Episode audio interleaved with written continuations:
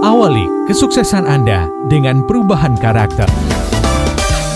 Smart Listener, segera kami hadirkan Smart Character bersama Power Character based on business transformation. Selamat mengikuti.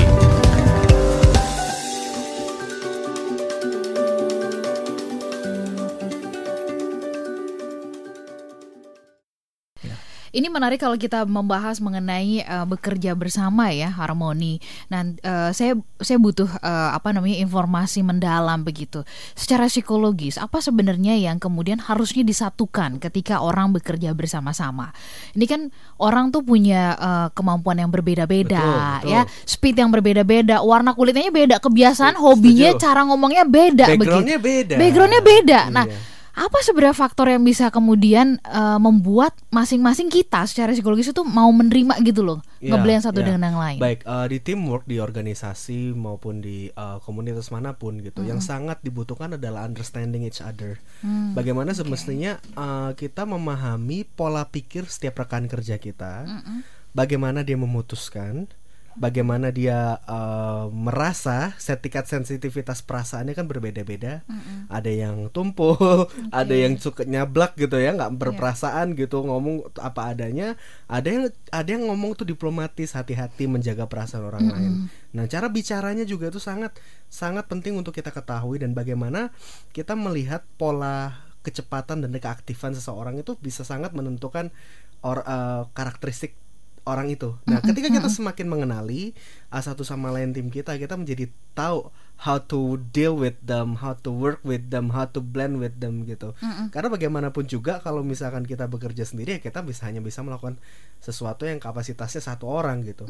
Tapi ketika kita membuat sistem, ketika kita mengerjakan sesuatu yang besar, pasti dibutuhkan kerjasama tim. Oke. Nah oleh sebab itu kompetensi hard skill dan soft skillnya harus seimbang, bukan hanya sekedar hard skill. bukan hanya hard skill Iya aja betul. ya? Nah Oke. tapi ketika kita mengerti, kita bisa bekerja jauh lebih visioner ap- uh, apa yang kita lakukan itu bisa berketurunan bukan hanya menjadi sesuatu yang besar saat ini saja tapi bisa berdampak besar dan berketurunan. La- timeless uh, timeless. Ya timeless. Nah itu perlu perlu kedalaman pengertian dan uh, apa ya kerjasama yang matang gitu Mhm. Nah untuk bisa mengenal nih masing-masing ini kan PR banget ya. Itu ada eh, ada triknya nggak sih bisa kenal satu dengan yang lain karena kan, aduh masa sih saya kan banyak ungkapan gini masa saya ngertiin terus gitu masa dia nggak ngertiin gitu. Oke, ini kan ini kan berbicara teamwork ya. Iya. Tapi kalau bicara uh, mentoring ada juga kalau dalam teamwork ya itu harus blend in well gitu. Kan namanya organisasi ada KPI gitu. Kalau misalnya nggak mendapatkan KPI ya Mm-mm. by system aja gitu. Ya nggak bisa ya uh, di, di, di- diambil keputusan sesuai dengan keputusan perusahaan. Nah, yang susah kalau mungkin itu sifatnya sebuah komunitas atau yayasan non profit yang hanya mengandalkan trust atau hubungan sebagai uh, fondasi dalam perjanjian itu, perjanjian kerjasama itu cenderung lebih susah gitu. Nah, kalau hubungan mentoring, nah Oke. ini untuk apa? Survei membuktikan bahwa alat yang paling paling paling ampuh untuk orang itu bisa menjadi profesional, untuk orang itu bisa lebih cepat excelnya gitu, untuk orang itu bisa lebih cepat majunya, yaitu one on one peer coaching, Hmm, hmm. ya, atau mentoring one on one.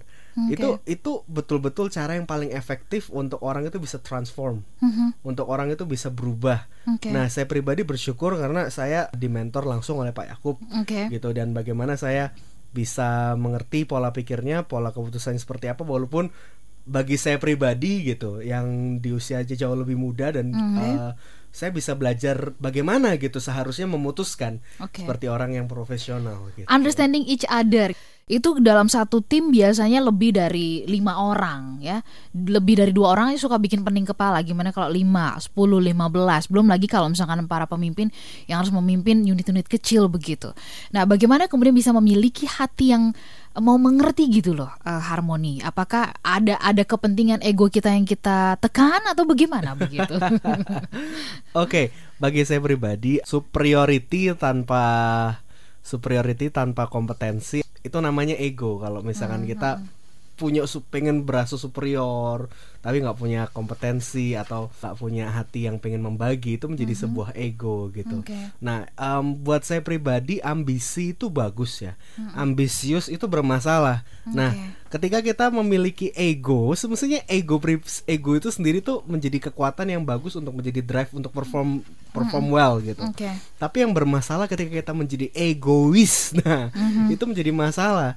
Sesuatu yang berlebihan, pengennya menang sendiri, okay. ya pengennya maunya sendiri, pengen terlihat baik, pengen semuanya kelihatan oke, okay, semuanya kalau misalnya apa pencapaian bersa pencapaian bersama tapi ini oh ini pencapaian saya loh. Nah, yeah, yeah, itu yeah, tuh tanda-tanda egois gitu. Mm -mm, mm -mm. Nah, tapi ketika kita sama-sama menyadari bahwa setiap orang itu punya kadar ego yang berbeda-beda gitu. Nah, mm -mm. kita sama punya ego, uh, ego yang sehat itu ketika semua punya disadarkan confidence-nya, disadarkan okay. bahwa kita semua sama-sama bisa mencapai loh. You can do it. Nah, itu tuh bisa bisa blend in well together gitu. Mm-hmm. Nah, ketika itu perlu disadari sih, ketika kita mulai menjadi egois atau kita mulai menjadi karena itu virus yang menjalar tiba-tiba gitu, mm-hmm. tanpa kita sadari gitu. Kita mulai menjatuhkan yang lain, okay. kita mulai menyodok yang lain gitu padahal seharusnya bersama. Nah, mungkin keiri dengan posisi satu uh, mungkin iri dengan jabatan atau uh, bonus dan lain sebagainya itu membuat virus ini bisa menyebar. Nah, hmm. smart listener itu yang perlu diwaspadai. Okay. Ego itu bagus, tapi egois itu bermasalah. Terima kasih untuk Anda semua yang sudah menyimak. Semoga perbincangan kami ini bisa memberikan semangat, motivasi, dan inspirasi untuk Anda.